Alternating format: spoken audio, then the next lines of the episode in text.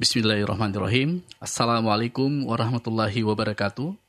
Innal hamdalillah nasta'inuhu wa nastaghfiruhu wa na'udzu billahi min syururi anfusina wa sayyiati a'malina may yahdihillahu fala mudhillalah wa may yudlil fala hadiyalah.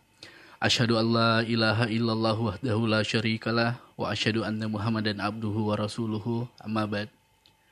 Pendengar di mana pun Anda berada, jumpa lagi di hari yang berbahagia ini berbahagia karena masih diberi umur menjalankan 10 hari terakhir di bulan Ramadan. Dan hari ini kita telah memasuki hari yang ke-22 Ramadan 1441 Hijriah atau Jumat 15 Mei 2020 dan tentunya kita berharap diberi kekuatan, diberi semangat dan diberi agama atau diberi ilmu untuk berbuat segala macam kebaikan, bersedekah, berzikir, berdoa, membaca Al-Qur'an dan memanjakan sholat qiyamul lail yang pastinya menghidupkan 10 malam terakhir mencari malam Lailatul Qadar. Dan semua amalan tersebut kita lakukan dengan harapan mendapat pahala di sisi Allah Subhanahu wa taala. Dan jangan sampai lupa ada tiga hal yang dipersyaratkan diterimanya amalan seseorang. Pertama yaitu bertauhid, menjadikan Allah Subhanahu wa taala sebagai satu-satunya sembahan. Kedua adalah ikhlas, melakukan semua amalan tersebut karena Allah Subhanahu wa taala. Dan yang ketiga adalah semua amalan kebaikan yang kita lakukan sesuai dengan tuntunan atau yang dicontohkan oleh Rasulullah Sallallahu Alaihi Wasallam. Dari stasiun radio An-Nasihat 88,2 FM, saya langsung menyapa Anda yang di Makassar dan sekitarnya, juga pendengar yang berada di Jabodetabek, Radio Syiar Tauhid 675 AM Depok, tidak lupa juga pendengar di 107,5 FM Radio Al-Madinah Solo dan Anda yang menyaksikan kami live via streaming di Zulkarnain Muhammad Sunusi. Juga yang mendengarkan kami via aplikasi Radio An-Nasihah di mana pun Anda berada. Aplikasi kami sudah bisa Anda unduh dan ini bisa Anda unduh di Play Store juga di App Store. Nah, tiada henti-hentinya juga kami ingetin nomor yang bisa Anda gunakan untuk mengirim pertanyaan di 0811413636 juga di nomor 08114458 882 buat Anda yang ingin bertanya langsung silakan hubungi kami. Saat sesi tanya jawab kami buka insya Allah. Dan inilah program yang diasuh oleh guru kita Al-Ustaz Zulkarnain Muhammad Sunsi Hafizullah Alhamdulillah beliau sudah bersama kami. Assalamualaikum Ustaz. Waalaikumsalam warahmatullahi wabarakatuh. Inilah konsultasi agama spesial Ramadan Rumahku bersinar di bulan Ramadan. Tepat Bismillahirrahmanirrahim. Alhamdulillahirrabbilalamin والصلاة والسلام على المبعوث رحمة للعالمين نبينا محمد وعلى آله وصحبه ومن تبعهم بإحسان إلى يوم الدين أما بعد kaum muslimin dan muslimat para pendengar dan seluruh yang menyaksikan acara ini dimanapun anda berada Assalamualaikum warahmatullahi wabarakatuh di hari yang ke-22 dari bulan Ramadan ini kita masih merenungi dan tadabbur terhadap sebagian ayat-ayat Al-Quran. Dan di hari ini saya mengajak untuk merenungi sebuah ayat berada di dalam sebuah surah yang agung. Itu surah Yusuf nama seorang nabi. Yang salih. Yang mana berlalu di dalam perjalanan hidup beliau. Berbagai ujian dan cobaan. Tapi berakhir dengan hal yang paling indah dan paling baiknya Tentunya banyak hal di dalam surah yang agung ini, tapi saya ingin memfokuskan pembahasan dalam sebuah kaidah besar diucapkan oleh Nabi Yakub alaihi salam. Itu di ayat yang ke-86 dari surah Yusuf.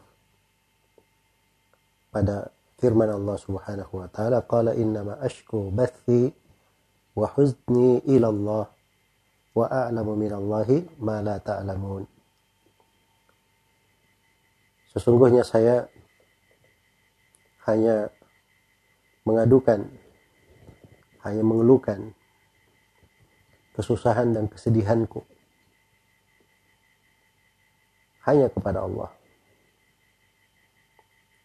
Sungguhnya saya hanya kepada Allah mengadukan kesusahan dan kesedihanku. Wa a'lamu minallahi ma la ta'lamun. Dan saya mengetahui dari Allah apa yang kalian tidak ketahui. Tentunya ucapan beliau ini, ini sudah berada di akhir-akhir surah. Seorang ayah yang suatu hari didatangi oleh putranya bahwa dia bermimpi melihat sebuah mimpi dari mimpi itu Nabi Yakub tahu bahwa putranya ini akan memiliki kedudukan yang tinggi di masa mendatang. Dan hal tersebut akan terjadi. Namun karena hasad dari saudara-saudaranya, Nabi Yusuf alaihissalam terpisahkan dari ayahnya yang sangat menyayanginya dan mencintainya. Sampai ketika saudara-saudara Nabi Yusuf meminta izin kepada ayahnya untuk membawa Nabi Yusuf bermain, alasan Nabi Yakub alaihissalam, innahu la yahzununi an tadhhabu bihi Sesungguhnya sangat menyedihkan bagi saya. Saya akan bersedih kalau kalian pergi membawanya. Berpisah dari anaknya saja itu hal yang membuatnya sedih. Iya. Dan setelah terlihat gelagak dari saudara-saudaranya, Nabi Yakub sempat mengingatkan akan perbuatan mereka. Tapi mereka tidak sadar akan hal itu. Begitu mereka telah membuang Nabi Yusuf dalam sebuah sumur kemudian datang membawa pakaian Nabi Yusuf dengan darah yang palsu Nabi Yakub tahu bahwa ini adalah hanya makar mereka saja. Kemudian berjalan Nabi Yusuf dipisahkan dari ayahnya. Mungkin paling sedikit lebih dari 30 tahun. Bisa dipisahkan dari ayahnya.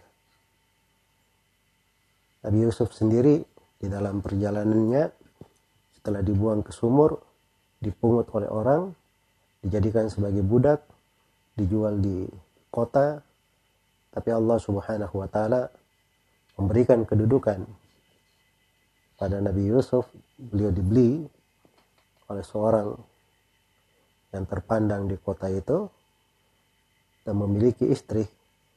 Kemudian Nabi Yusuf tumbuh sebagai seorang anak muda yang sangat tampan sekali sebagaimana yang dimaklumi. Mulailah ujian-ujian datang kepada beliau. Hingga akhirnya beliau dipenjara tanpa dosa kemudian berlanjut kisahnya beliau dipenjara bid'a asinin di bahasa ayat. Dalam jumlah-jumlah tahun bid'a itu sekitar 3 sampai 9 tahun. Di dalam penjara. Namun Allah memberikan jalan keluar dan beliau dijadikan ditinggikan derajatnya oleh Allah menjadi seorang pembesar di Mesir karena ilmu yang Allah ajarkan kepadanya. Kemudian setelah itu Nabi Yusuf berjumpa dengan saudara-saudaranya. Lalu Nabi Yusuf meminta agar pada agar supaya saudara Nabi Yusuf yang seibu dengannya dibawa, eh, yang seayah dengannya, apa seibu dengannya dibawa. Sebab saudara-saudaranya yang lain tidak seibu dengan Nabi Yusuf. Mereka semua seayah, tapi tidak seibu. Maka dibawalah saudara seibu Nabi Yusuf. Dan akhirnya terjadi seperti yang disebutkan kisahnya di dalam surah Yusuf. Maka biasanya Nabi Yakub alaihissalam itu terhibur dengan kepergian Nabi Yusuf apabila melihat saudara Nabi Yusuf dari seibu. Tapi begitu saudaranya seibu juga sudah tidak ada, maka bertambah kesedihan beliau sampai akhirnya beliau banyak menangis lalu matanya menjadi putih karena sangat sedih dan dia juga memendam marah saudara-saudara Nabi Yusuf berkata tallahi taftau tadkur Yusuf hatta takuna haradan atau takuna minal halikin. Mereka berkata demi Allah engkau terus menerus mengingat Nabi Yusuf. Ya. Sampai engkau mengindap penyakit yang berat atau engkau mungkin akan menjadi orang yang binasa. Dari situ datanglah ucapan yang besar menunjukkan pegangan yang kuat pada Nabi Yakub pada ayat yang ke-86 ini beliau berkata, Innama ashku bathi wa huzni ila Allah wa a'lamu minallahi ma la ta'lamun. Sesungguhnya saya hanya mengadukan kesusahanku, kesedihanku kepada Allah dan saya tahu dari Allah apa yang kalian tidak ketahui. Terkandung di dalamnya dua hal besar yang setelah kejadian ini mulailah tampak jalan keluar dan terangkatlah permasalahan itu. Dan Nabi Yusuf alaihissalam kembali bertemu dengan ayahnya. Kemudian mereka dikumpulkan dalam kondisi tidak ada lagi kedengkian di tengah mereka. Jalan keluarnya muncul, ada dua pegangan Nabi Yakub di sini. Saya hanya mengadukan kesedihanku, gunda gulanaku hanya kepada Allah. Subhanallah. Ini kejujuran di dalam bersandar kepada Allah. Ketulusan di dalam bergantung kepadanya. Ya berbeda dengan sekarang ini. Kadang sebagian manusia tertimpa dengan ujian dan cobaan. Apalagi di masa wabah ini. Ya luar biasa ya ada sekarang orang-orang yang kerjanya curhat di media, mengadu, mengadu di sana sini. Mungkin tidak ada hari kecuali dia mengeluh kepada manusia. Diberi fasilitas internet gratis, ditambah kuota gratis, dipakai untuk mencaci maki, dipakai untuk mengeluh, dipakai untuk masuk ke dalam hal-hal yang bukan bidangnya. Akhirnya orang-orang yang ada penyakit pada jiwanya itu semakin banyak. Tekanan-tekanan besar terhadap jiwa. Karena kurang dia bergantung kepada Allah. Coba kalau dia mengadu kepada Allah. Dia serahkan urusannya kepada Allah. Maka Allah subhanahu wa ta'ala akan mencukupinya pada segala sesuatu. Bukan dia berbicara di sana sini, berbuat perkara-perkara yang mungkin tidak akan membawa kebaikan untuk dia. Harusnya di 10 malam yang terakhir, 10 hari terakhir Ramadan seperti ini, seorang itu lebih giat, ya, lebih bersungguh-sungguh, dan lebih bersegera, lebih totalitas kepada Allah Subhanahu wa taala. Tapi justru hatinya semakin dia pecah-pecah. Ya. Kebergantungannya bukannya kepada Allah Subhanahu wa taala banyak bersandar kepada manusia. Pada musibah-musibah yang terjadi selalu mencari kambing hitam.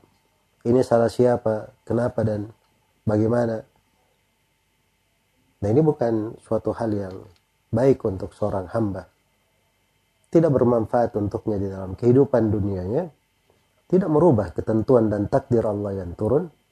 Dan juga tidak akan bermanfaat untuknya di akhirat. Karena itu perhatikan bahasa-bahasa yang dipakai oleh para nabi ketika mereka sedang dirundung masalah. Kejujuran bersandar kepada Allah, mengadu kepada Allah Subhanahu wa taala. Nabi Ayub alaihi salam ketika sudah tertimpa musibah maka musibah yang dimaklum ya ujian Nabi Ayub. Ya. Mungkin orang yang pernah kena ujian di dunia ini sulit mendapatkan orang yang seperti Nabi Ayub dalam ujian dan cobaan. Ya, perhatikan bahasa beliau. Ketika beliau mengadukan perkaranya kepada Allah. Iya. Anni massani abdur wa anta arhamur rahimin. Ya Allah, saya telah ditimpa oleh bahaya. Dan engkau adalah yang paling merahmati di, di antara semua yang pernah merahmati. dia tanpa kejujurannya bersandar kepada Allah. Diadukan masalahnya kepada Allah Subhanahu wa taala. Iya. Nabi Zakaria ada masalah tidak memiliki anak keturunan padahal tanggung jawabnya di dalam apa yang beliau embat perlu ada orang yang mewarisinya. Nah itu luar biasa. Maka beliau adukan kefakirannya kepapahannya kepada Allah apa yang menimpanya ya maka Allah subhanahu wa ta'ala kabulkan hal tersebut. Tapi Yunus alaihi salam itu kejujuran bersandar kepada Allah Subhanahu wa taala. Pokok yang dijaga. Kemudian yang kedua, di ucapan Nabi Yakub di sini wa a'lamu minallahi ma la ta'lamun. Dan saya tahu dari Allah apa yang kalian tidak ketahui. Beliau seorang nabi, diberi ilmu oleh Allah. Ketika Nabi Yusuf menceritakan mimpinya, Nabi Yakub tahu takwilnya. Iya. Dan takwil mimpi itu belum terjadi takwil mimpi itu belum terjadi. Suatu saat dia pasti akan akan terjadi dan dia akan melihat Nabi Yusuf. Ya, akan melihat Nabi Yusuf. Nah, ini berbaik sangka namanya. Selalu berbaik sangka. Dan selalu dia tahu bahwa di belakang kesusahan pasti ada kemudahan. Di belakang himpitan pasti ada jalan keluar. Itu ketentuan Allah di dalam di tengah makhluknya, di tengah hamba-hambanya. Fa usri yusran, usri yusra. Bersama kesusahan ada kemudahan, bersama kesusahan ada kemudahan. Iya. Alhamdulillah banyak hal yang Allah Subhanahu wa taala mudahkan untuk kita. Kita ini banyak kelemahan, banyak kekurangan, dosa-dosa kita juga menumpuk-numpuk. Tapi kita diuji alhamdulillah dengan hal yang tidak membinasakan kita dengan perkara yang mungkin kalau kita lihat pada orang yang kena ujian di tempat yang lain, ada orang yang lebih menderita lagi. Maka hendaknya seorang itu selalu dia berbaik sangka kepada Allah. Jangan dia putus asa. Wah ini kondisi sangat membahayakan. Wah ini nggak ada harapan. Wah ini kalau kayak begini, kayak begini. Ini orang-orang yang sudah putus harapan seakan-akan dia tidak ada lagi kehidupan setelah ini.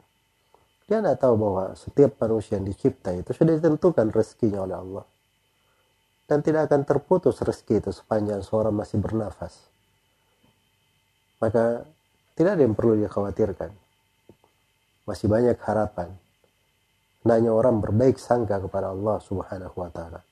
Maka ini dua kaidah besar dalam kehidupan kejujuran dan ketulusan bersandar kepada Allah dan yang kedua selalu berbaik sangka kepada Allah dua hal ini kalau menyertai seorang hamba di dalam segala masalah yang dihadapi di dalam kehidupannya maka perhatikan Nabi Yakub datang jalan keluar setelahnya Iya, sebagaimana kalau dua hal ini dipegang oleh seorang hamba di dalam aktivitas kehidupannya, itulah yang membangun ibadahnya membuatnya lebih dekat kepada Allah Subhanahu wa taala.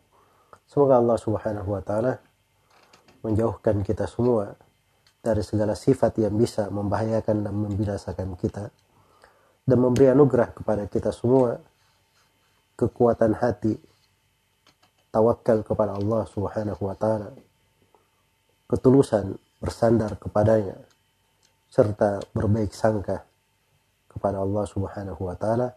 Dan semoga Allah Subhanahu wa taala menjauhkan kita semua dari segala musibah dan petaka, memberi afiat untuk kita semua dari segala hal yang tidak menyenangkan. Innahu waliyu dzalika wal qadiru alaih. Wallahu taala alam. Alhamdulillah, pendengar di mana pun Anda berada, baru saja kita dengarkan tausiah dari guru kita Al-Ustaz Zulkarnain Muhammad Sunusi Hafizahullah Ta'ala dan seperti biasa Saatnya saya mengajak Anda untuk kembali menghubungi kami di 081144588882 dan juga di 0811413636. Saatnya sesi tanya jawab konsultasi agama spesial Ramadan untuk hari ini kami buka. Baik, uh, kita ambil penelpon pertama dari mana nih, Stad? Baik. Halo, Assalamualaikum. Waalaikumsalam warahmatullahi wabarakatuh. Dari mana? Dari siapa di mana, Pak? Dengan hamba Allah di Merosot. Oke, silahkan pertanyaannya. Eh, saya ingin bertanya, Ustaz tolong dijelaskan apa-apa semua saja itu yang membuat amalan kita tertolak Ustaz. Iya, karena kami khawatir sampai kita beribadah selama ini tapi itu tertolak. Iya, terima kasih. Assalamualaikum warahmatullahi wabarakatuh. Waalaikumsalam warahmatullahi wabarakatuh. Bismillahirrahmanirrahim. Alhamdulillahi rabbil alamin. Wassalatu wassalamu ala al-mabuthi rahmatan lil alamin. Nabiyina Muhammad wa ala alihi wa sahbihi wa man tabi'ahum bi ihsanin ila yaumiddin amma ba'd. Jadi merasa amalannya uh, khawatir amalannya ditolak itu adalah salah satu sifat baik. Itu sifat orang-orang yang beriman, sifatnya para nabi dan para rasul. Karena itu Nabi Ibrahim alaihissalam setelah membangun Ka'bah beliau dan Nabi Ismail berdoa kepada Allah, "Rabbana taqabbal minna innaka antas samiul alim." Ya Allah, terimalah dari kami. Sungguhnya Engkau Maha mendengar lagi Maha mengetahui. Dan sifat orang yang beriman diterangkan di dalam surah Al-Mu'minun. Walladzina yu'tuna ma atau wa qulubuhum wajilah annahum ila rabbihim raji'un.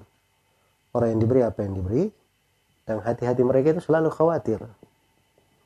Hati-hati mereka itu selalu khawatir. Khawatiran itu baik dan itu adalah sifat keimanan. Tapi alhamdulillah agama itu semuanya jelas. Petunjuk itu terang.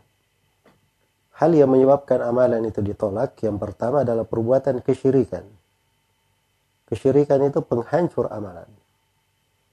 Karena itu kalau dia beramal dengan amalan apa pun di kehidupan dunia ini, banyak sholat, puasa, dan seterusnya. Tapi kalau dia ber berbuat syirik akbar, amalannya itu dikatakan di dalam Al-Quran, وَقَدِمْنَا إِلَى مَا أَمِلُوا مِنْ أَمَلٍ فَجَعَلْنَاهُ هَبَاءً مَنْثُورًا kami hadapi amalan yang mereka lakukan, lalu kami jadikan amalannya bagaikan debu yang berterbangan, tidak dianggap. Dari jenis kesyirikan ada namanya ria. Dan ini juga menyebabkan amalan itu hancur sebab dia tidak mengharapkan wajah Allah. man kana yuridul hayata dunya wa zinataha nuwaffi ilaihim a'malahum fiha wa hum fiha la yubakhasun ulaika alladhina laysa lahum fil akhirati illa an-nar wa habita ma sana'u fiha wa batilum ma kanu ya'malun. Barang siapa yang menghendaki kehidupan dunia dan gemerlapnya maka kami akan sempurnakan amalannya dalamnya. Dia ingin dunia dikasih dunia oleh Allah. Sempurnakan tidak dikurangi. Tapi mereka ini tidak ada balasannya di akhirat kecuali neraka.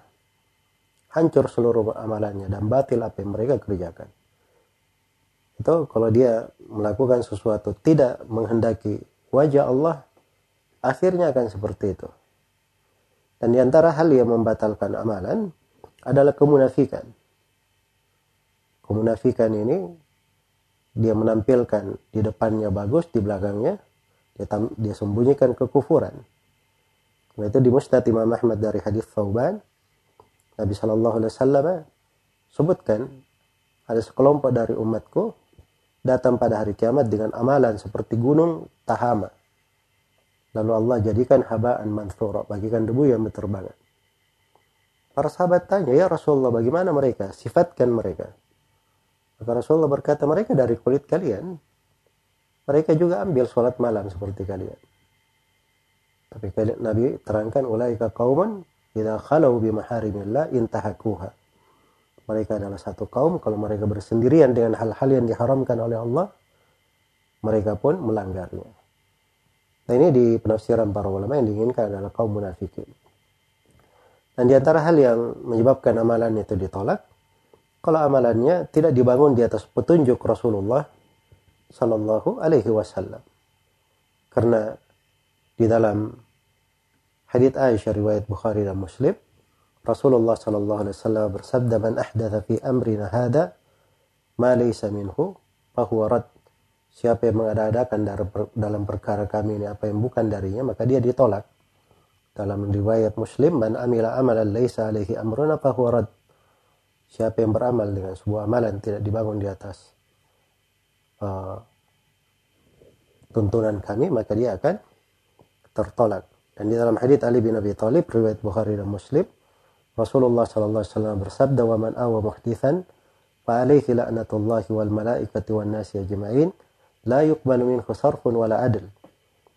Barang siapa yang mengadakan perkara baru atau menganut perkara baru maka untuknya laknat dari Allah, dari malaikat dan seluruh manusia. Tidak diterima darinya sama sekali. Ya, dan ini pembahasan penting ya untuk dipelajari. Ya, dan apa yang saya sebutkan itu jawaban ringkas untuk hal ini. Semoga bisa menjadi pencerahan. Kalau Bapak ada fasilitas internet, browsing aja di internet, pembatal-pembatal amalan dengan nama saya. Insya Allah akan ada ceramah saya tentang hal itu. Semoga Allah memberi taufik kepada semuanya. Wallahu ta'ala alam. Baik pendengar 88,2 FM Sakin dengan Sunnah juga pendengar Syiar Tauhid 675 AM Jabodetabek Al-Madinah Radio Al-Madinah 107,5 FM Solo di, di mana pun Anda berada yang menyaksikan siaran kami melalui via streaming di Zulkarnain Muhammad Sunusi juga di Radio An-Nasiha aplikasi yang bisa Anda unduh di Play Store dan juga di App Store. Baik, uh, kita angkat menelpon lagi. Halo. Halo. Iya, dari siapa di mana? Halo. Halo. Baik. Radionya dikecilkan dulu, Pak. Halo. Ya. Halo. Baik, kami tunggu yang lain yang ingin bertanya langsung ke Alustad. Silakan di 0811 4458882. Halo. Iya, Assalamualaikum warahmatullahi wabarakatuh. Waalaikumsalam warahmatullahi wabarakatuh. Dari dari Am dari Ammar Ustaz. Pak Amar di mana Pak Amar? Di Minnesota. Si- Silakan. Baik. Uh, mau nanya Ustaz. Silakan, Pak. Iya, yang pertama eh, apa namanya zakat mal emas itu Ustaz. Ya. Karena kan eh, 85 gram ke atas itu sudah bisa ya. Ya. Nah, cuma masalahnya sekarang ini semua emas itu ada di dalam pegadaian. Pertanyaan saya yang pertama adalah eh, apakah tetap harus dikeluarkan zakatnya?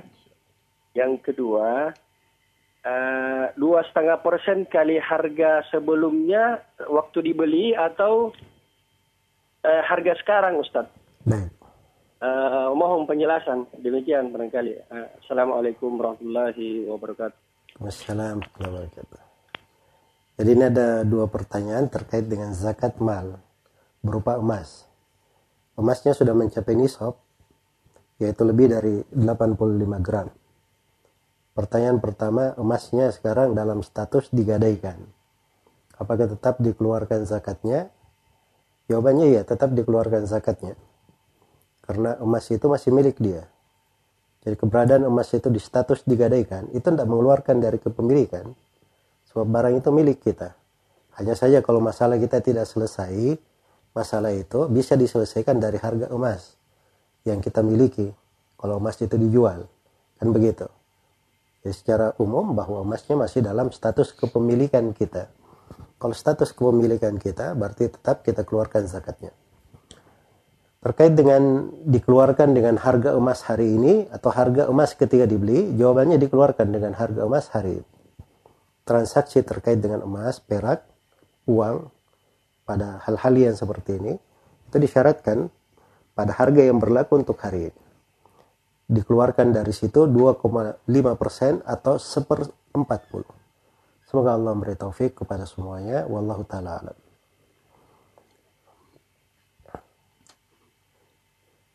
Baik ini ada yang bertanya tentang ceramah seorang syekh yang uh, dipahami oleh penanya bahwa malam Lailatul Qadar keutamaan untuk Lailatul Qadar itu sebatas ibadah khusus seperti qiyamul lail, tilawah dan berdoa. Pertanyaannya apakah ini pembahasan ada silam pendapat? Karena katanya baru dia dengar ada yang seperti ini. Sebelumnya dianggap termasuk sedekah berbuat baik kepada orang tua memberi orang miskin ibadah dan seterusnya. Jawabannya bahwa hal-hal yang seperti ini nih, asalnya kadang karena kurang memahami ucapan-ucapan para ulama. Nah, itu banyak ya orang-orang. Kadang si alim ini berbicara tentang sesuatu tertentu hal khusus. Ya datang seseorang dianggap itu pembahasan berlaku untuk umum segala hal. Seperti kasus ini misalnya. Ya saya sudah lihat ya dari penjelasan Syekh yang dimaksud. Syekhnya itu berbicara tentang orang yang di malam hari itu melakukan sholat malam, ya membaca Al-Quran, berdoa. Dia tinggalkan itu, dia ganti dengan pergi berbuat pekerjaan yang lain. Nah, itu memang adalah hal yang tidak dilakukan oleh para salaf rahimahumullah. Ya. Karena memang pada dasarnya menghidupkan 10 malam terakhir itu dengan sholat. Dengan sholat. Tapi perlu dilihat di kehidupan Nabi ya. Nabi itu di 10 malam terakhir pernah keluar tiga malam. Malam pertama beliau keluar, beliau imami para sahabat sampai selesai sepertiga malam. Berarti dua per tiga malam beliau tinggalkan untuk para sahabat di dalamnya. Baik apa yang dilakukan oleh para sahabat di situ? Itu terbuka dan diterangkan. Di malam yang lainnya Nabi keluar, beliau mengimami para sahabat hingga berlalu seperdua malam. Di malam yang lainnya Nabi keluar, beliau mengimami para sahabat hingga menjelang sahur sampai para sahabat khawatir ketinggalan makan sahur. Ya. Dan ini memang di kondisi yang ketiga menunjukkan bahwa sholat malam itu yang paling afdal. Untuk dihidupkan dengannya 10 malam terakhir. Dan uh, malam itu juga kondisi manusia bertingkat-tingkat di dalamnya. Ada yang bisa menghidupkan 10 malamnya semuanya. Ada yang cuma bisa menghidupkan awal dan akhir malam dengan sholat. Yang lainnya dia tidak sholat tapi dia membaca Al-Quran. Dia melakukan ketaatan yang lain Iya. Jadi maksudnya dari apa yang disampaikan oleh Syekh itu dia bukan membatasi, beliau bukan membatasi, tapi itu mengingatkan orang yang salah menempatkan bagaimana di dalam memaksimalkan 10 malam terakhir. Karena keutamaan di dalam ayat itu sifatnya umum, tidak dibatasi, tidak dikhususkan dengan dalil dari sholat malam maupun yang lainnya. Lailatul Qadri khairum min alfi Itu kan sifatnya umum pada ayatnya. Ini terjadi ya pada sejumlah ulama. Saya pernah lihat juga ada orang yang menyebarkan dari Syekh Solil Fauzan. Katanya Syekh Solil Fauzan mengatakan tak boleh bikin acara buka puasa bersama. Ya bawakan potongan suaranya. Orang yang mengerti seakan-akan memang seperti itu. Tapi dia tidak paham. Ini Syekh berbicara di kondisi apa. Apa yang beliau tegur di situ. Itu di kondisi di sebagian masyarakat. Kadang uh, bukan di bulan Ramadan. Di sebagian masyarakat kadang mereka ingin puasa Senin Kamis kemudian saling berbisik kepada uh, tetangga-tetangganya ayo besok kita sama-sama puasa besok. Setelah itu kita sama-sama bikin buka puasa di masjid. Nah, itu yang diingatkan oleh Syekh. Tidak boleh hal yang seperti itu. Tidak dilakukan oleh Nabi dan para sahabat. Nah, itu juga bisa mengganggu dari ketentraman masyarakat dan seterusnya. Ya, datang orang ini menukil fatwa dari Syekh Solel Fauzan tidak boleh mengadakan buka puasa bersama. Kan seram jadinya Ya, karena itu harusnya dipahami ucapan para ulama sebagaimana benarnya. Ya wallahu taala alam. Baik. Baik. Kita nggak telepon lagi, Ustaz. Silahkan. Halo. Ya, silakan. Halo. Waalaikumsalam warahmatullahi Dari siapa di mana? Mbak Allah di Ya, silakan Pak. Ya, saya mau bertanya sih. Hmm, di kampung saya di stasiun kami dilakukan bahwa suaranya putus. lagi halo suaranya putus-putus tidak ditamakan sholat di masjid dikarenakan imannya jadi dulu dan sekarang Maaf Pak, suaranya putus-putus Pak. Halo? suaranya Ya, putus, halo. suaranya putus-putus. Bisa dipersingkat pertanyaannya yang jelas? Ya, Iya, silakan. eh, kita akan bisa menjelaskan ya bahwa Afwan, eh, suaranya masih putus-putus, Pak. Eh, Saya telepon ulang. Iya, bisa telepon ulang atau kalau misalnya eh, tidak sempat Bapak bisa kirim SMS ya di nomor yang telah kami lampirkan. Silakan yang lain yang ingin eh, bergabung dengan kami, telepon Anda kami tunggu di 081144588882 yang ingin bertanya langsung ke guru kita Ustaz Zulkarnain. Halo. Ya, halo. Halo, Assalamualaikum. Waalaikumsalam warahmatullah. Dari siapa di mana? Dari Abu Zaki di Makassar. Baik, silakan Pak. Eh, Bismillahirrahmanirrahim. Assalamualaikum Ustaz. Waalaikumsalam warahmatullahi wabarakatuh. Eh, saya ada dua pertanyaan. Yang pertama tentang mandi, yang kedua tentang zakat fitri.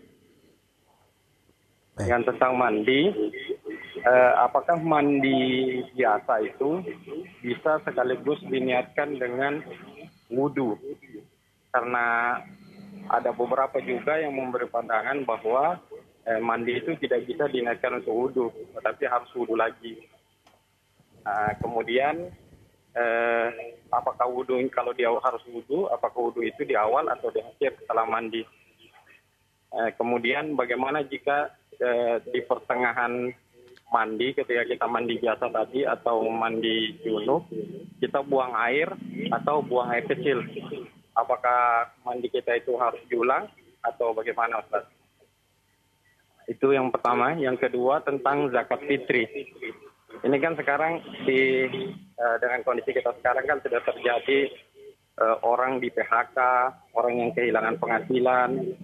Nah, apakah mereka tetap m- wajib melakukan zakat fitri atau tidak?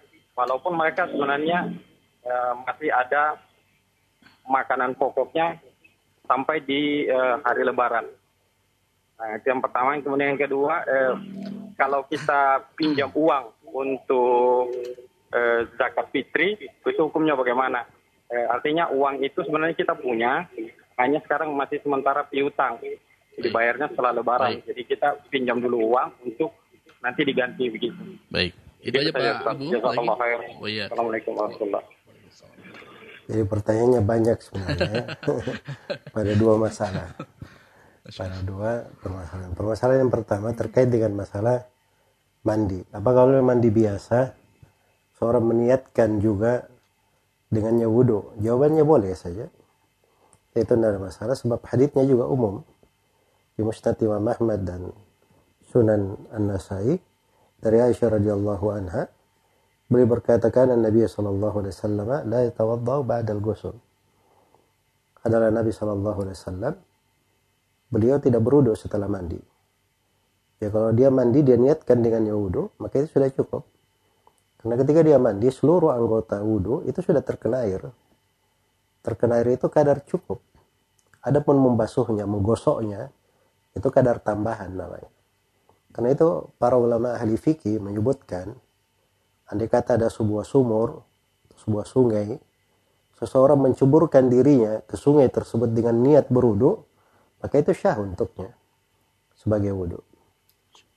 Yang kedua, kalau misalnya dia sudah berwudu pada saat dia mandi biasa atau mandi wajib, kemudian keluar eh, angin atau buang air kecil, nah itu artinya keluar pembatal wudu. Kalau keluar pembatal wudu, ya membatalkan wudunya. Ya, jadi kalau dia misalnya setelah itu dia lanjutkan mandi, terbasuh semua badannya, terkena, setelah itu selesai, maka itu sudah syah kembali. Sudah cukup untuk mandinya.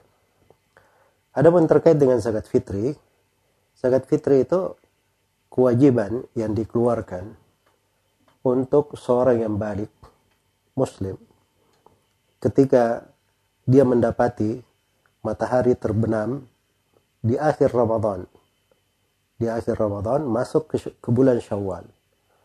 Dan dia memiliki kelebihan makanan dari makanan pokoknya yang ada di hari itu, lebih daripada satu sok. Ya kalau dia terpenuhi syarat itu, mau di status apa pun sedang ada masalah, dia sedang uh, misalnya di PHK atau dia sedang ini dan sedang itu, ya itu tetap ada kewajiban. Dan jangan dia anggap kewajiban itu beban, beban untuk seorang hamba memberatkannya. Justru zakat fitri ini itu kegembiraan. Iya, karena seorang telah menyelesaikan bulan Ramadan bersyukur kepada Allah Nah, itu dari sebab yang menyebabkan orang-orang bergembira dan juga membawa berbagai kebaikan untuk dirinya.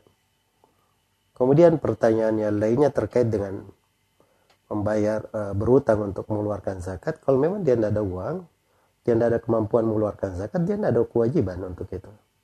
Dia tidak perlu berutang untuk mengeluarkan zakatnya. Sebab kewajiban zakat itu terkait dengan hal yang dia miliki. Dan seorang tidak usah membebani dirinya pada hal yang dia tidak sanggup. Semoga Allah subhanahu wa ta'ala memberi taufik kepada semuanya. Wallahu ta'ala Uh, mungkin yang terakhir itu Ustaz, uh, harta yang dimiliki tapi tidak ada di beliau. Apakah itu di pembahasan zakat lain, di zakat harta. Jadi kalau dia ada zakat harta, memang kewajibannya, cuman duit di tangan belum ada, nah itu tetap ada kewajiban di atas pundaknya. Boleh dia dia dia wajib keluarkan. Kalau dia keluarkan dia ingin utang dulu untuk mengeluarkan itu nggak ada masalah. Semoga Allah memberi taufik kepada semuanya. Satu penelpon lagi sebelum kita membacakan pertanyaan yang sudah masuk. Halo? Halo assalamualaikum. Waalaikumsalam warahmatullah. Dari siapa di mana pak? Dari hamba ya silahkan eh, eh mohon masukannya pak Ustadz. Eh, di kampung kami eh, itu melaksanakan eh, sholat Jumat di zona hijau. Kemudian eh, kami tidak ke sana untuk melakukannya eh, dengan maksud bahwa kami mentaati apa yang dipesankan oleh pemerintah. Iya. Yang kedua, yang kedua, eh, mohon juga masukannya Pak. Bagaimana misalnya seseorang yang di masa kecilnya atau di masa lalunya sebelum mendapatkan hidayah eh, itu dia melakukan eh, perbuatan dosa dan maksiat eh, seperti contohnya misalnya eh, suri memakan makan haram eh, mengam, misalnya waktunya sekolah sering makan di kantin dan tidak bayar katakanlah misalnya ambil tiga cuma bayar satu misalnya eh begitu seterusnya eh, sampai kemudian dia mendapatkan hidayah dan sekarang dia ingin menebus eh, kesalahan-kesalahannya di masa lalu tersebut. Bagaimana caranya? Mohon masukannya. Baik, sudah dua pertanyaan, Pak. Assalamualaikum warahmatullahi wabarakatuh. Baik, terkait dengan pertanyaan pertama, ini sekarang lagi banyak ya yang membahas bikin inisiatif-inisiatif sendiri. Ini kan daerah kita masih zona hijau. Itu pembagian hijau, merah, kuning. Siapa yang membagi di dalam hal tersebut? Dan itu bukan pembagian yang pasti dan paten di dalam hal itu. Iya. Sedangkan bahaya-bahaya yang muncul dari adanya perkumpulan di mana pun perkumpulan ter terjadi itu sudah terbukti di mana-mana. Ya. Ada satu kampung yang didatangi oleh satu orang yang apa namanya baru ke tempat lain, akhirnya uh, semua keluarganya menjadi positif, jemaah masjidnya empat orang menjadi positif, dan ribut di kampung gara-gara itu. Padahal ini tempat yang jauh. Karena itu jangan membuka celah. Nah, itu dalam syariat kita ada namanya kaidah sadud dari'ah, menutup segala pintu. Terus pembagian-pembagian tersebut itu itu tidak terukur ya. Mana yang hijau, kuning dan seterus hijau eh, apa namanya dan seterusnya itu tidak terukur. Ya, dengan ukuran yang pasti. Sepanjang dan sekarang ini sudah di zona merah pun masih banyak yang bergampangan sampai menyebabkan orang lain tertular juga misalnya. Maka jangan membuka pintu-pintu yang membuat orang itu semakin bergampangan. Ya, jadi kalau sepanjang bapak misalnya uh, tidak sholat di masjid, maka itu adalah suatu hal yang tidak ada masalah karena ini masa di kondisi seorang itu ada udur untuk tidak di masjid di dalam hal itu. Adapun saudara-saudara kita yang lain, misalnya mereka masih berada di masjid, kita doakan semoga dapat hidayah dari Allah Subhanahu wa taala. dan mereka mempertimbangkan hal yang lebih baiknya lagi. Kemudian yang kedua terkait dengan masalah uh, pernah berbuat dosa pada masa lalu. Ya dosa itu ada dua macam ya. Kalau terkait antara dia dengan Allah, maka itu cukup dengan dia bertobat dengan tobat yang benar. Tapi kalau terkait dengan antara dia dengan makhluk, ini ada tambahan satu ketentuan lagi. Dia harus selesaikan keterkaitan dia antara dia dengan makhluk. Ya, jadi kalau dia mengambil barang orang, dia selesaikan, dia kembalikan barang orang. Ya kalau seperti disebut tadi di kantin misalnya, ambil tiga bayar satu. Dia selesaikan dua yang dia nggak bayar tersebut. Kalau dia misalnya mau menyelesaikan hal itu justru semakin ribet karena akhirnya menjadi masalah baru, maka dia boleh bersedekah. Dia niatkan untuk orang yang dia ambil sesuatu darinya atau yang semisal dengannya atau bisa dia kembalikan ya dengan cara tidak perlu seorang itu diketahui ya dia atau dia memberi misalnya kepada orang ini ini ada dia datang kantin itu misalnya ini saya ada duit sekian eh, tolong diterima begitu saja tidak usah dia terangkan eh, apa ceritanya dan seterusnya yang jelas dia berbuat sesuatu yang semoga hal tersebut membuat ia semakin eh, baik di sisi Allah dan lepas dari segala ketersangkutan dengan manusia karena ketersangkutan dengan siapa pun, dengan makhluk Allah di dunia itu ada perhitungannya di akhirat. Semoga Allah memberi taufik kepada semuanya. Wallahu taala alam. Baik di sini ada bertanya, boleh berdoa di dalam sholat dengan menggunakan ayat Al-Quran? Dengan menambahkan di awal ayat atau kalimat Allahumma. Ya kalau dia ada tambahannya itu nggak ada masalah ya. Kalau ada tambahannya atau ada yang berubah. Sebab itu bukan ayat lagi. Walaupun ada sebagian ulama yang memandang bahwa kalau dia berdoa ya dengan dia membaca dia dengan lafaz seperti ayat Al-Qur'an di dalam sujudnya maka itu tidak ada masalah karena mereka anggap itu bukan membaca Al-Qur'an tapi dia membaca lafaz doa dan lafaz doa itu bisa saja sama dengan lafaz yang ada di dalam Al-Qur'an. Iya. Nah itu pendapat sejumlah ulama membolehkan akan hal tersebut. Tapi kalau misalnya penanya ingin uh, berhati-hati dengan hal itu, maka apa yang dia sebutkan di sini itu sudah cukup, sudah bagus. Semoga Allah Subhanahu wa taala memberi taufik kepada semuanya. Saya sedang haid dan mengaji lewat aplikasi yang ada di HP. Apakah saya harus beruduk dulu atau tidak perlu? Ya. Ya kalau misalnya dia ingin beruduk karena ingin membaca Al-Quran itu nggak ada masalah ya. Bukan karena itu mengangkat hadatnya, tapi itu bentuk dari kebiasaan yang dia jaga terkait dengan Al-Quran maka itu nggak ada masalah dan membacanya dari apa namanya memegang dari HP itu nggak ada masalah ya sebab HP itu beda dengan mushaf. Mushaf itu lembaran yang kita buka Al-Quran itu kalau di HP itu aplikasi itu benda itu beda dari sudut hukum. Yang ditulis oleh para ulama terkait dengan masalah mushaf pengagungan dan seterusnya itu adalah lembaran-lembaran yang kita maklumi. Semoga Allah subhanahu wa ta'ala memberi taufik kepada semuanya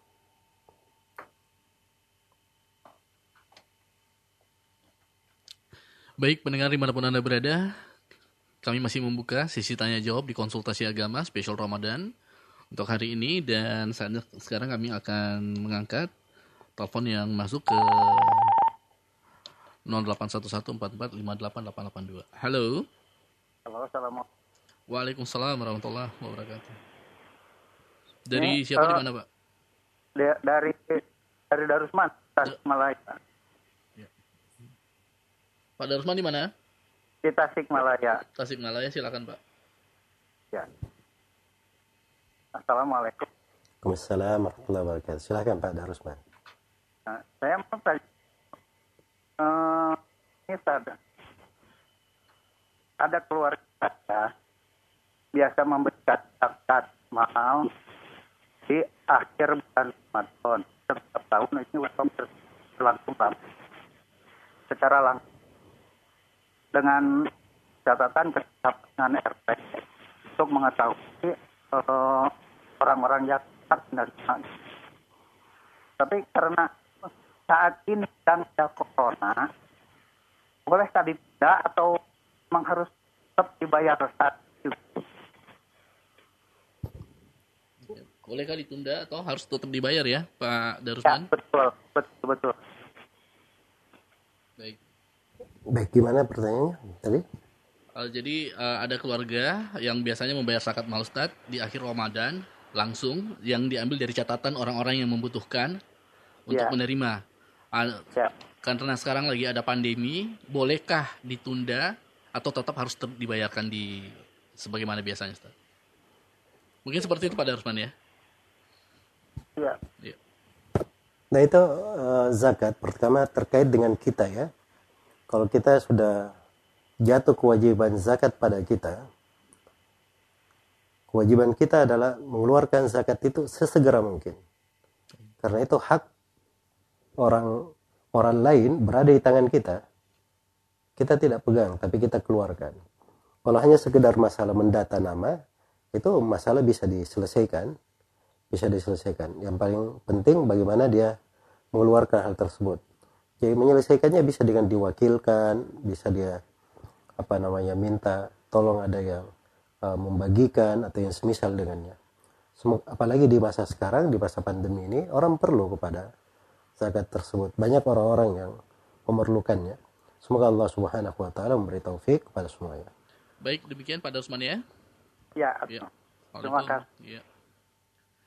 Silakan yang lain di 081144588882.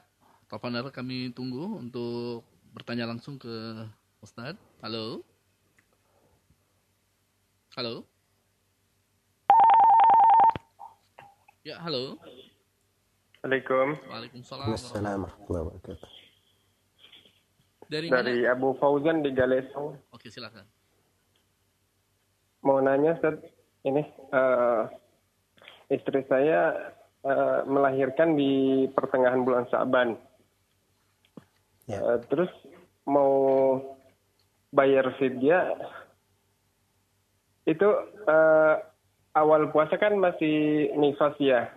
Ya. Eh, itu diganti eh, fidyah atau dikoda puasa, puasanya Ustaz? Terus Jadi- di akhir-akhir Ramadan bisa puasa itu diganti fidyah atau eh, kodo? Baik. Itu aja, Pak ya. Enam. Ya, Jadi-. Pak Bu Fauzan, kalau di masa nifas, yang dihitung itu adalah nifasnya. Yang dihitung ada nifasnya. Jadi itu untuk nifas eh, gantinya cuma satu dengan cara diqadha. Dia bu- dia puasa di hari-hari lain sejumlah hari yang dia tinggalkan. Kalau sudah tidak nifas, nah itu baru datang hukum masalah menyusui. Nah, menyusui anak dia tidak sanggup karena apa namanya bisa membahayakan anak atau membuat dia juga kesulitan kalau berpuasa. Apabila dia berbuka maka dia mengeluarkan fidyah di situ. Membayar fidyah. Iya. Jadi dibedakan saja pada saat nifas yang dihitung nifasnya selain nifas kalau tidak berpuasa karena alasan menyusui maka dia membayar fidyah semoga Allah memberi taufik kepada semuanya wallahu taala alam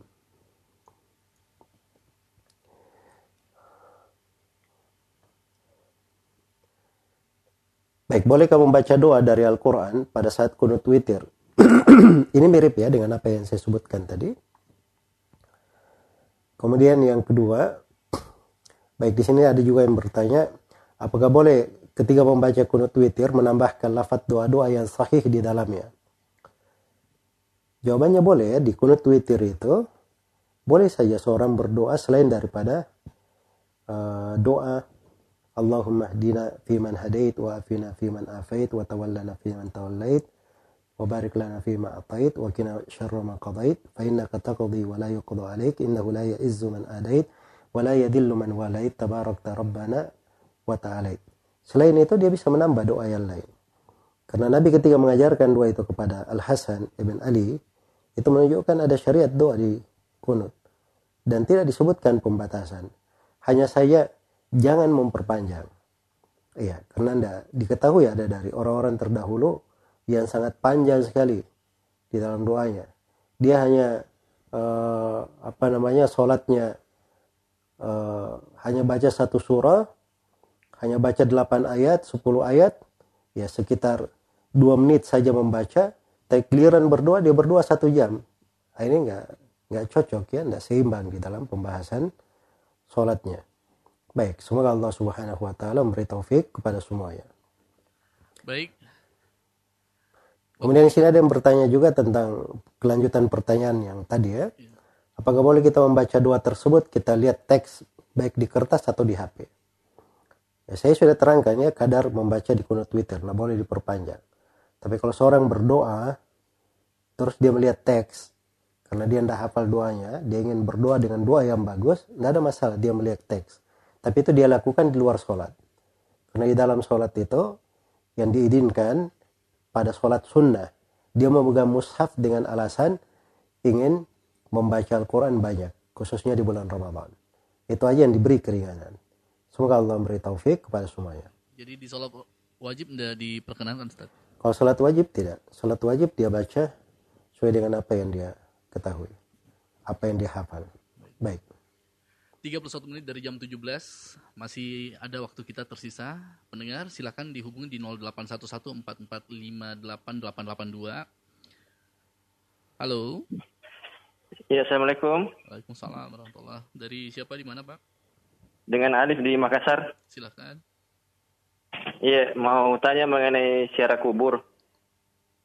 Uh, katanya menabur bunga di kuburan itu ada contoh dari Nabi. Karena eh, di ada riwayat di mana Nabi ketika mendengar mayit disiksa di di bawah kubur, dia mengambil daun apa? Kayak pelapa kurma. Kemudian diletakkan di atas kubur sehingga bisa membantu uh, hal tersebut.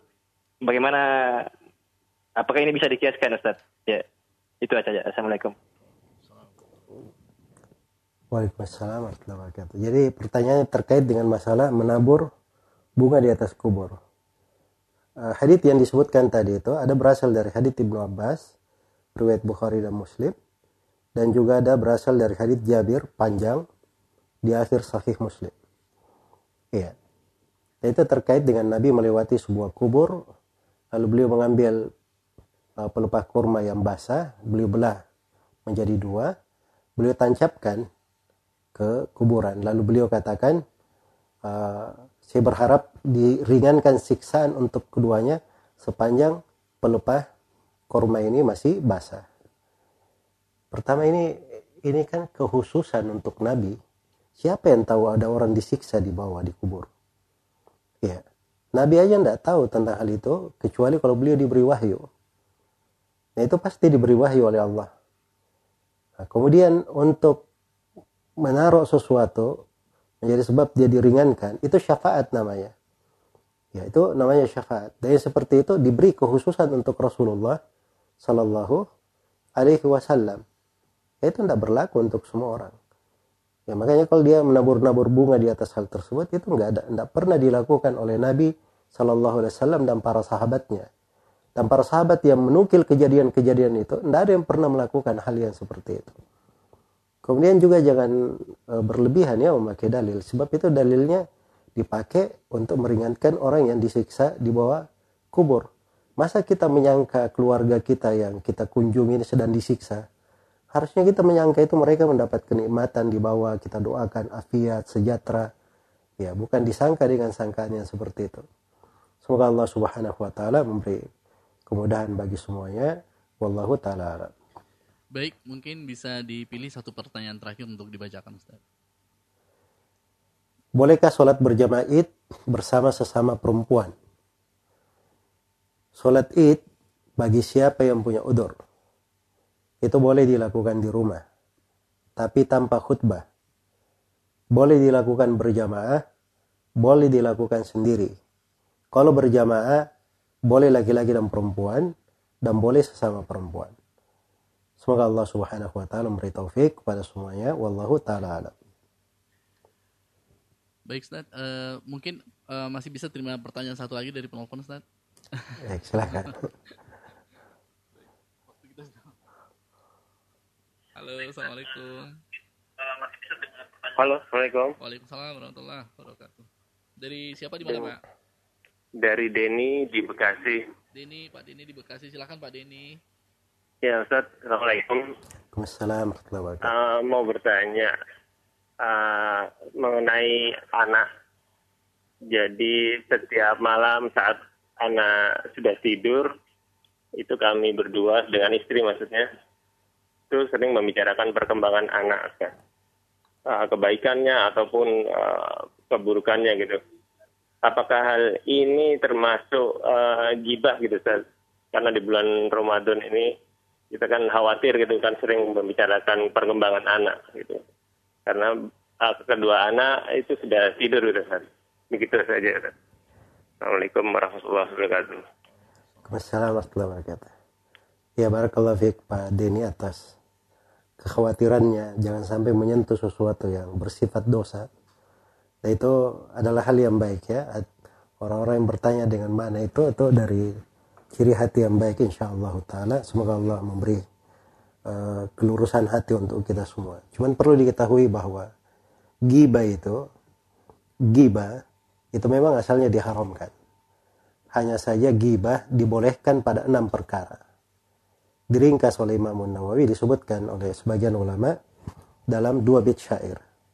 Al-qadahu laysa bi gibatin fi sittatin mutadallimin wa mu'arrifin wa muhaddiri wa, wa, wa mujahirin fisqan wa mustaftin wa man talaba al-i'anata fi izalati munkari.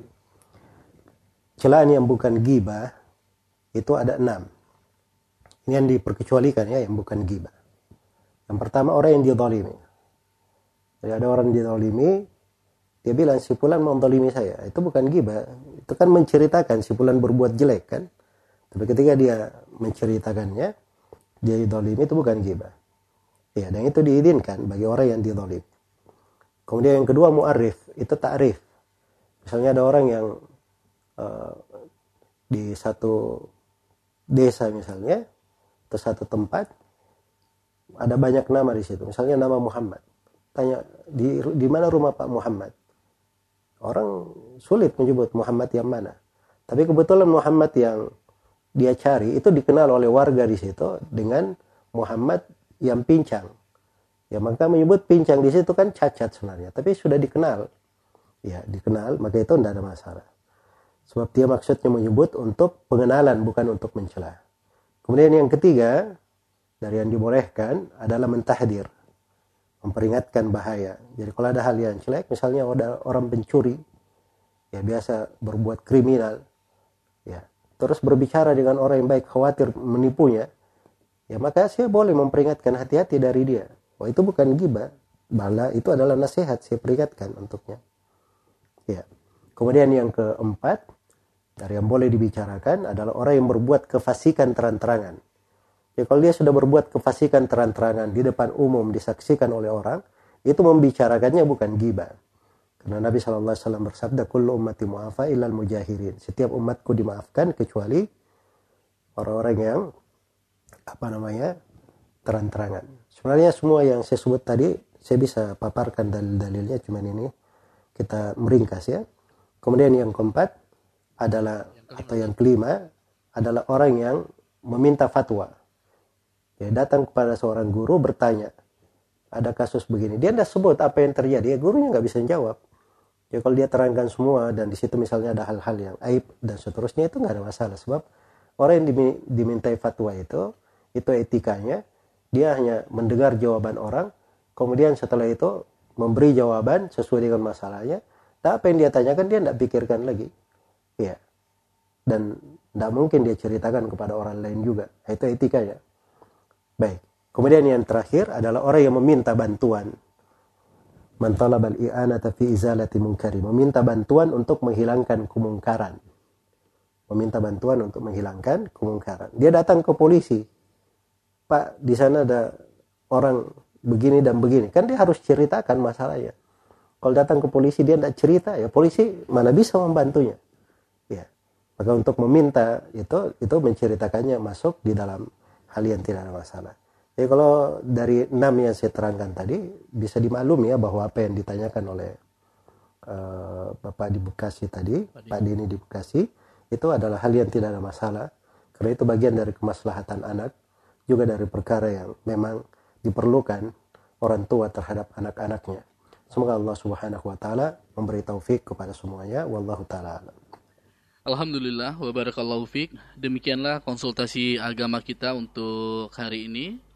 Spesial Ramadan, rumahku bersinar di bulan Ramadan untuk edisi 22 Ramadan 1441 Hijriah bertepatan dengan tanggal 15 Mei 2020. Sekali lagi kami mohon maaf yang sebesar-besarnya atas pertanyaan yang belum sempat dijawab. Semoga Allah mudahkan dan terima kasih buat Anda yang sudah mengikuti kami di 88,2 FM Radio An-Nasiha Sakina dengan Sunnah, juga yang mendengarkan 675 AM Syiar Tauhid Jabodetabek, dan juga pendengar di 107,5 FM Radio Al-Madinah Solo. Juga Anda yang menyaksikan kami di Zulkarnain Muhammad Sunusi dan Radio An-Nasiha via streaming. Terima kasih atas kebersamaan Anda. Dan buat Anda yang belum sempat mendengarkan konsultasi agama hari ini, Silahkan mengikuti kami atau mendengarkan kami besok insya Allah pukul 3.30 sampai pukul 4.30 menjelang sahur hanya di 88,2 FM Radio An-Nasiha Sakina dengan Sunnah. Akhirnya saya Fatih Adam dan kru yang bertugas mohon diri. Tapi sebelumnya saya ingetin dulu nih uh, untuk jadwal maghrib. Hampir ketinggalan sama produsernya sudah dipelototin hampir ketinggalan lagi. Untuk Jakarta jatuh pada pukul 17.47 dan untuk Surakarta dan Solo jatuh pada pukul 17 lewat 29 menit waktu Indonesia bagian Barat. Untuk Makassar jatuh pada pukul 17 lewat 58 menit. Jadi agak cepat 1 menit dibanding hari yang kemarin ya waktu Indonesia Tengah. Baik, saya Fatih Adam dan kru yang bertugas pamit. Subhanakallahumma wa bihamdik. Asyhadu an la ilaha illa anta. Astagfirullah wa Assalamualaikum warahmatullahi wabarakatuh.